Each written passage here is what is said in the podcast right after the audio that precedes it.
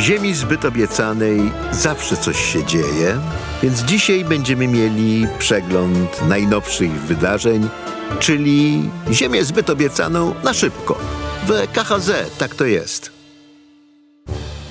Podcast Ziemia zbyt obiecana powstaje we współpracy z Fundacją Elnet, organizacją pozarządową, której celem jest pogłębianie relacji między Europą a Izraelem w oparciu o wspólne potrzeby i demokratyczne wartości. Kilka dni temu Kneset uchwalił budżet Izraela na najbliższe dwa lata. To jest sama w sobie dość sensacyjna wiadomość, bo y, w poprzednich latach nie udawało się uchwalić budżetu ze względu na konflikty polityczne w Knesecie i uchwalano taką ustawę pomostową, że budżet poprzedniego roku obowiązuje w roku bieżącym. Także to, że uchwalono budżet to sukces. Mało tego, za budżetem głosowało wszystkich 64 posłów koalicji, mimo że rozmaici z nich wcześniej mówili, że jeżeli ich żądania akurat nie zostaną spełnione, to oni budżetu nie poprą. Więc Bibiemu udało się utrzymać jedność koalicyjną, no za cenę ustąpienia e, przed wszystkimi żądaniami wszystkich koalicjantów na subwencje dla szkół ultraortodoksyjnych i dla osadnictwa pójdzie 14 miliardów szekli. Szekla to jest trochę więcej niż złotówka. E, dodatkowe pieniądze pójdą dla rabina Maoza, który się wycofał był z koalicji, kiedy nie spełniono wcześniej danych mu obietnic. Pójdą na Wydział Wzmacniania Tożsamości Żydowskiej. Co dokładnie znaczy nie wiadomo. Wiadomo, że rabin Maoz będzie miał niemal pół miliarda szekli e, w perspektywie tych kilku lat do rozdysponowania według uznania, a uznanie rabina Maoza jest tutaj dosyć jednoznaczne, mianowicie uważa on homoseksualistów e, za jakieś okrutne wynaturzenie i mówi, że znieść nie może widoku geja Amira Ohany, który jest przewodniczącym Knesetu, na temat kobiet w życiu publicznym ma też jasne zdanie, mianowicie nie powinno ich być, a do jego obowiązków będzie należało też decydowanie o tym, jakie organizacje pozarządowe będą mogły prowadzić lekcje w izraelskich szkołach, no jakby żywcem wyjęte z Lex Czarnek. E, o tyle może to jest mniej istotne, że tych organizacji może być dużo mniej, bo rząd izraelski zamierza też uchwalić ustawę nakazującą organizacjom pozarządowym, które są więcej niż 30% finansowane z zagranicy, żeby dwie trzecie tego zagranicznego dofinansowania wpłacały do kasy państwa w postaci podatku. To już nie jest Lex Czarnek, to są standardy rosyjsko-białoruskie. E, Departament Stanu USA wyraził duże zaniepokojenie, podobnie Francja, podobnie Unia Europejska – co zapewne tylko wskazuje rządowi izraelskiemu, że jest na słusznym tropie, skoro ci zewnętrzni wrogowie tak się oburzają. No a jak się obetnie to dofinansowanie, to wiele organizacji izraelskich padnie i w związku z tym będzie miał rabin Maoz mniej pracy z zabranianiem im dostępu do szkół. Generalnie ten budżet jest więc wielkim sukcesem premiera, tyle tylko, że utrwalił on, bo rozsierdził ruch protestu. Ten ruch protestu, który wyprowadzał setki tysięcy ludzi na ulicę przez ostatnich 20 tygodni w próbie zablokowania e, programu reformy sądownictwa, tak to nazywa rząd, e, do, zyskał dodatkowy powód do tego, żeby z ulic właściwie nie schodzić, bo te wszystkie wydatki, na Żydów ultraortodoksyjnych i na osadników na zachodnim brzegu, e, no pochodzą z podatków protestujących. E, budżet jest wysoce na wyrost. E, niektórzy ekonomiści kalkulują, że będzie on wymagał podniesienia podatków o 19%. I tego świecki Izrael, już głęboko oburzony na tą koalicję e, partii ultrareligijnych, nacjonalistycznych, no i praktycznie faszystowskich, e, tego już nie zniesie i tym samym Netanyahu zapewnił sobie trwanie ruchu protestu, e, który zresztą nie musi szukać dodatkowych powodów, żeby trwać, no bo tak jak zapowiedział premier, po uchwaleniu budżetu wrócą do y, programu uchwalania reformy sądownictwa. Co prawda od dwóch miesięcy trwają negocjacje pod auspicjami prezydenta na temat jakiegoś kompromisu w tej sprawie, ale do tej pory jako żywo żadnego kompromisu nie widać. E, kiedy kilka dni temu pojawił się przeciek, że być może udało się osiągnąć jakiś marginalny kompromis w sprawie osłabienia jednej z tych ustaw, których się rząd zamachuje na sądownictwo, to i koalicja, i opozycja natychmiast to zdementowały, nie ma mowy o żadnym kompromisie. No bo powie Netanyahu, po co mi w ogóle jakiś kompromis? Mam 64 głosy w Knesecie. Yy, społeczeństwo demonstruje od pół roku i demonstruje tym samym tylko to, że to nie są dobrzy Żydzi, bo dobrzy Żydzi przecież popierają rząd.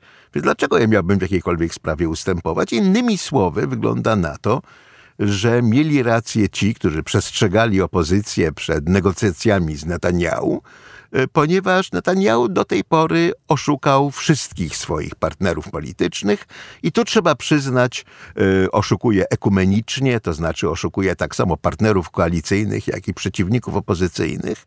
I nie ma żadnego powodu, żeby tym razem było inaczej. Nie widać takiej siły e, na scenie politycznej Izraela, która mogłaby zmusić premiera do zmiany zdania. Chociaż sondaże są jednoznaczne i dla Likudu, dla partii premiera, katastrofalne. E, Likud stracił jedną trzecią poparcia. Te głosy umiarkowanej, cywilizowanej prawicy przeniosły się na partię Jedności Narodowej generała Benny Gantza. E, potem po krótkiej wymianie ognia w gazie Netanyahu trochę odzyskał poparcia społecznego. Tak się dzieje zawsze, kiedy dochodzi do jakiejś konfrontacji militarnej, ale to są zyski krótkoterminowe. Innymi słowy, gdyby doszło teraz do nowych wyborów, Likud przestałby być największą partią izraelską. Partią tą stałaby się partia generała Benny Gantza i wtedy jest niemal pewne, że nawet ten Likud już tak dokładnie pozbawiony jakichkolwiek osobowości, które mogłyby zagrozić Netanyahu, bo on się ich systematycznie z partii pozbywał na przestrzeni lat, że tym razem Likud by się jednak zbuntował, bo utrata jednej trzeciej poparcia oznacza utratę jednej trzeciej miejsc w Knesecie, a to już oznacza utrata przez konkretnych posłów, konkretnych synekur i tego Likud by nie zniósł.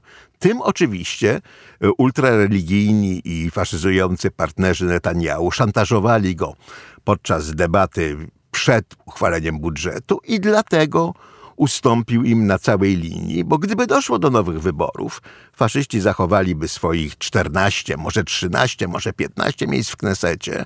Partie religijne także nie straciłyby głosów, bo głosuje na nie elektorat religijny, to jest jakieś 13% Izraelczyków i oni swoich głosów nie przeniosą gdzie indziej.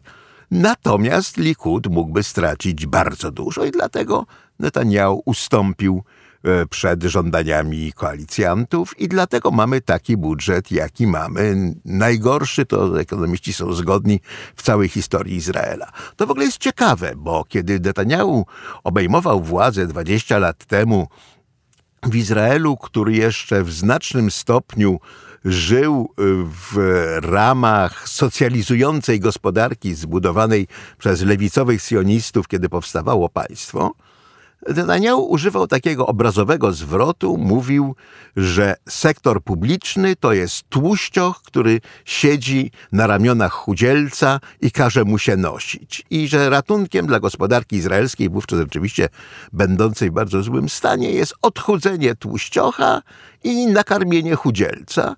I to konsekwentnie Netanyahu robił, ograniczając ustawy które kontrolują i regulują działalność gospodarczą i zachęcając Izraelczyków, żeby się bogacili.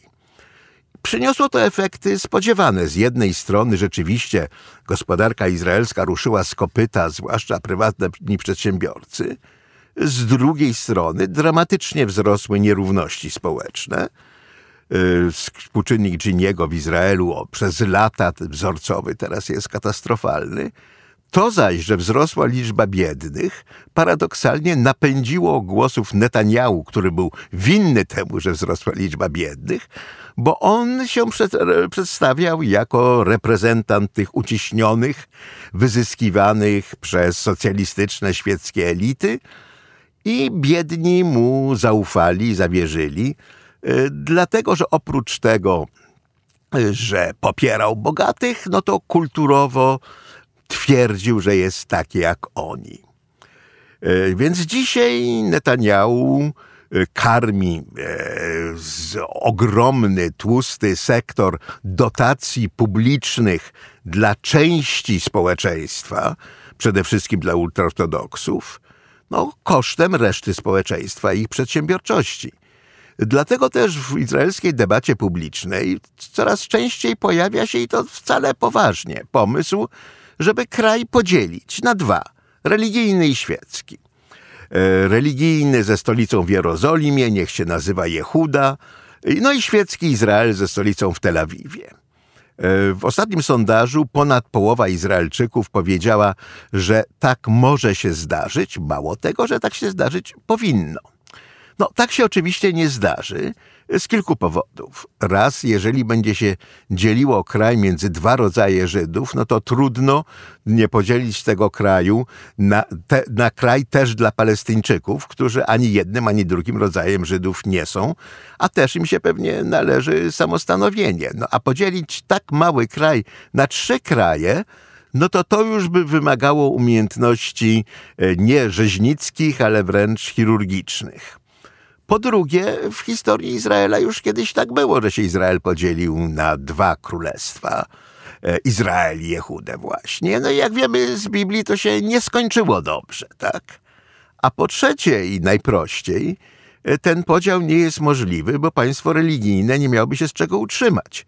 E, religijni studiują Torę i modlą się i żyją z tego, co wypracują świeccy. E, państwo religijne byłoby państwem bez dochodów, wyłącznie z wydatkami, a ktoś to państwo musiałby wziąć na garnuszek. A więc wrócilibyśmy do tej sytuacji, której podział miałby zapobiec. Ale to, że takie pomysły się w ogóle pojawiają w debacie publicznej, dowodzą głębi frustracji obu stron, przede wszystkim świeckich, e, i pokazują, jaki problem staje przed Netanyahu Tyle tylko, że jeżeli konflikt, który teraz ogniskował się wokół kwestii tego, czy należy bronić praworządności, czy też należy się z nią rozprawić, stanie się konfliktem religijni świeccy, i co więcej, świeccy będą, jak już się teraz pojawia e, w izraelskiej publicystyce, mówić, że ci religijni to krwiopijcy, wyzyskiwacze, pasożyty, no odwołując się wprost do antysemickiego języka europejskiego minionego stulecia, no to to z całą pewnością nie rokuje szans na jakikolwiek kompromis, tylko na wzrost wzajemnej nienawiści, a to już jest groźne, no bo wiemy, co Talmud mówi o tym, dlaczego zburzona została druga świątynia, tak? Z powodu sinat hinam, z powodu bezrozumnej nienawiści. E, I trochę tej bezrozumnej nienawiści słyszymy w izraelskiej debacie już dzisiaj. Więc jeżeli nie ma rozwiązania wewnętrznego, to może warunki zewnętrzne wymuszą jakieś rozwiązanie. E, kilka dni temu media obiegł przeciek z Departamentu Stanu, nie zdementowany ani przez Amerykanów, ani przez Izraelczyków, że Amerykanie proponują Netanyahu, że doprowadzą do nawiązania stosunków dyplomatycznych z Arabią Saudyjską, jeżeli Netanyahu odstąpi od programu reformy sądownictwa który Amerykanie dość jednoznacznie potępiają. Między innymi dlatego, że sprawia on, że poparcie w Partii Demokratycznej dla Izraela, nie tylko dla Izraela Netanyahu, ale w ogóle dla Izraela dramatycznie spada, a byłoby z ogromną stratą dla Izraela, gdyby poparcie dla Izraela stało się programem tylko jednej z dwóch amerykańskich partii. Y, nie wiadomo, czy ta oferta jest prawdziwa, choć Amerykanie oczywiście bardzo by chcieli i te, żeby Netanyahu zrezygnował ze swojego ataku na sądownictwo i żeby Arabia Saudyjska nawiązała stosunki z Izraelem. Przede wszystkim jednak nie bardzo wiadomo, dlaczego Arabia Saudyjska miałaby się przejmować urządzeniami wewnętrznymi ustroju izraelskiego, czyli dlaczego miałaby chcieć nawiązywać stosunki z Izraelem praworządnym, a nie nawiązywać stosunki z Izraelem, w którym sądownictwo utraciło niezawisłość. Arabia Saudyjska dość jasno przekazała Waszyngtonowi swoje warunki, e, żeby w ogóle myśleć o nawiązaniu stosunków z Jerozolimą. To jest po pierwsze bardzo głęboki kontrakt na dostawę broni amerykańskiej, który z jednej strony budzi niepokój Izraela, bo Arabia Saudyjska, nawet taka, która uznaje Izrael, nadal jest potencjalnym przeciwnikiem, ale też to byłoby nie do przepchnięcia w, w, kongresie ze względu na wojnę, jaką Arabia Saudyjska toczy w Jemenie, wojnę, w której zginęło już ponad 350 tysięcy ludzi i dozbrajanie państwa, które ponosi główną, nie jedyną, ale główną odpowiedzialność za tę wojnę, no politycznie byłoby niezmiernie trudne, już pomijając to, że administracja Bidena e, Arabii Saudyjskiej rządzonej przez Mohameda e, bin Sultana e, i tak bardzo nie lubi, choćby za morderstwo Khashoggiego. A drugi warunek saudyjski jest taki, żeby Amerykanie zaakceptowali i wsparli saudyjski cywilny program nuklearny. Amerykanie, którzy usiłują ograniczyć irański program nuklearny, który już dawno cywilnym być przestał, kompletnie nie mają ochoty na to, żeby na Bliskim Wschodzie pojawiło się nowe państwo atomowe, choćby tylko z cywilnym programem. Tym bardziej, że jeżeli Iran ma i Saudyjczycy mają, no to Turcja też będzie chciała mieć, a jak już Turcja będzie miała, to wszyscy będą chcieli mieć. E, Im więcej programów nuklearnych, tym większe szanse, że któryś z nich wymknie się spod kontroli a więc e, warunki amerykańskie dla Izraela są nie do przyjęcia dla Saudyjczyków, warunki saudyjskie e, dla Amerykanów są nie do przyjęcia i dla Izraela, i dla Saudyjczyków. E, generalnie rzecz biorąc, wygląda na to, że stosunki z Arabią Saudyjską, o których Netanyahu mówił, gdy tym razem obejmował władzę, że to jest główny cel jego premierostwa, jeszcze długo pozostaną w sferze marzeń, tym bardziej, że ten podstawowy czynnik, który sprawiał, że Arabia Saudyjska mogła chcieć nawiązać stosunki z Izraelem, czyli groźba irańska, w tej chwili osłab. Jak Państwo pamiętacie, miesiąc temu e, Iran i Arabia Saudyjska wznowiły stosunki dyplomatyczne po chińskiej mediacji. E, tak naprawdę się było odwrotnie, czy najpierw oba państwa się dogadały do jakiegoś rozsądnego kompromisu, a potem poprosiły, żeby Pekin był świadkiem na ślubie, głównie dlatego, że było się do kogo odwołać, jeżeli obie stolicy będą różnie interpretowały to, do czego się dogadały.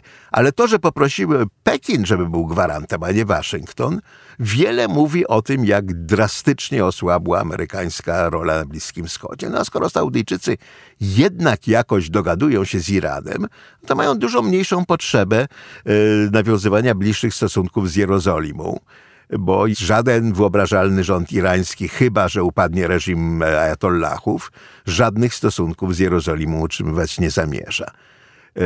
Pierwszą cenę, jaką trzeba było zapłacić za to porozumienie z Teheranem, Arabia Saudyjska już zapłaciła. Zaprosiła mianowicie Bashara el-Assada, e, prezydenta Syrii, na szczyt Ligi Arabskiej. Syria zawieszona w Lidze Arabskiej 11 lat temu z powodu zbrodniczej wojny, jaką Assad toczył w obronie swojej władzy i która przez 11 lat była pariasem świata arabskiego, została powrotem przyjęta na łono ligi, y, dlatego że Assad za cenę ponad 600 tysięcy zabitych wygrał tę wojnę. Wygrał ją irańską piechotą i rosyjskim lotnictwem, ale wygrał. Zwycięzców się nie sądzi i Assad, e, któremu patronuje rzecz jasna Iran, został przyjęty z powrotem na łono Ligi Arabskiej. Jedynie sułtan Omanu wyszedł podczas przemówienia Asada, bo tego już znieść nie mógł. No ale skoro Saudyjczycy gotowi byli zapłacić Iranowi tak wysoką cenę jak zaakceptowanie normalizacji stosunków z Asadem, no to trudno sobie wyobrażać, żeby groźba irańska mogła ich skronić do tego, żeby nawiązać bliższe stosunki z Jerozolimą. Tym bardziej, że jak powiedział kilka dni temu jeden z czołowych publicystów w Zjednoczonych Emiratach Arabskich, e, państwa, które podpisały porozumienia abrahamowe, są głęboko rozczarowane. Bo te porozumienia miały dać im możliwość wpływu na politykę Jerozolimy także wobec Palestyńczyków. E, co prawda zostały podpisane pod szantażem, znaczy jeżeli E, Izrael e, zgodzi się nie anektować zachodniego brzegu, jak wtedy e, za poprzedniego rządu Netanyahu zapowiadał, no to wtedy państwa Zatoki będą gotowe nawiązać z nim stosunki. Izrael się na to zgodził, nie anektował, ale w praktyce w życiu Palestyńczyków niewiele to zmieniło. E, I bardzo trudno będzie namówić jakichś kolejnych partnerów arabskich, e, żeby e, porozumienia z Jerozolimą nawiązywały, skoro te już nawiązane politycznie okazały się bezsilne. Ekonomicznie, a także militarnie te porozumienia są bardzo korzystne dla arabskich sygnatariuszy, ale rzeczywiście w sprawie palestyńskiej nic nie drgnęło. Tyle tylko, czy Liga Arabska, e, która właśnie przyjmuje z powrotem Asada po tym, jak on wymordował 600 tysięcy Arabów e, w syryjskiej wojnie domowej, to jest kilkakrotnie większa liczba ofiar niż tych, które padły w konflikcie izraelsko-palestyńskim, izraelsko-arabskim w ogóle, po obu stronach od powstania państwa, czy ta Liga Arabska ma w ogóle jakiekolwiek moralne prawo do krytykowania Izraela y, za to, że nie godzi się na palestyńskie dążenia do niepodległości, wziąwszy pod uwagę, że do Ligi Arabskiej należy Iran, który nie godzi się na kurdyjskie dążenia do niepodległości, należą państwa Afryki Północnej, gdzie rdzenna ludność berberyjska nie ma cienia takich praw, jakie mają nawet na terytoriach okupowanych Palestyńczycy. No oczywiście, gdyby polityka międzynarodowa kierowała się jakimikolwiek wartościami moralnymi, no to Liga Arabska tutaj byłaby całkowicie skompromitowana, ale ponieważ tak nie jest, jak wiemy, no to można zupełnie swobodnie potępiać Izrael za swoją brut, jego brutalną okupację terytoriów palestyńskich i samemu brutalnie uciskać swoje mniejszości, toczyć wojny domowe z setkami tysięcy zabitych e, i nikomu nawet nie, nie drgnie powieka przy wygłaszaniu kolejnych potępień Izraela. Słowem, e, na zewnętrzne naciski na Izrael e, też nie należy zbytnio liczyć, a to niestety znaczy, że konflikt w sprawie praworządności i więcej w sprawie modelu państwa może wejść w fazę chroniczną. Tak powiedział jeden z uczestników demonstracji protestacyjnych. Mówił, że baliśmy się węgierskiej szarży, a teraz okazuje się, że trzeba się przygotować na polskie salami. To swoją drogą interesujące, bo szarże na ogół się kojarzą z ułanami, a salami z Węgrami, tak, a tu akurat na odwrót. E, węgierska szarża i polskie salami. Ale Węgry rzeczywiście jedną szarżą zdemolowały cały ustrój państwa po tym, jak Fidesz premiera Orbana e, zdobył większość konstytucyjną w parlamencie, a jako, że w Polsce tej większości konstytucyjnej nie ma i nic się nie zanosi na to, że nawet jeśli PiS wygra nadchodzące wybory, to ona będzie, to tu rzeczywiście trzeba kroić po plasterku, tak jak Węgrzy kroją salami, E, ale no, polskie krojenie salami okazuje się skuteczne. Nie ma powodu, żeby Netanyahu nie miał kroić salami w podobny sposób. E, słowem, nie ma dobrych wiadomości, e, może z wyjątkiem jednego. Setki tysięcy ludzi na ulicach. W kraju wysoce zmilitaryzowanym, stale zagrożonym terroryzmem, Y, rząd, który tym demonstrantom odmawia prawa do reprezentowania samych siebie, to są po prostu źli Żydzi. Y, policja w wielkiej liczbie na ulicach i co? Było kilkunastu aresztowanych, kilka osób pobitych przez policję i to wszystko. W sumie liczba osób poszkodowanych po 20 tygodniach ogromnych izraelskich protestów jest mniejsza niż liczba osób poszkodowanych po przeciętnej polskiej demonstracji. E, tak się dzieje, kiedy jest oczywiste dla wszystkich, że rządy przychodzą i odchodzą, a wszyscy my, policjanci i demonstranci, jesteśmy i pozostajemy obywatelami. E, czego Państwu i sobie życzę. Dziękuję.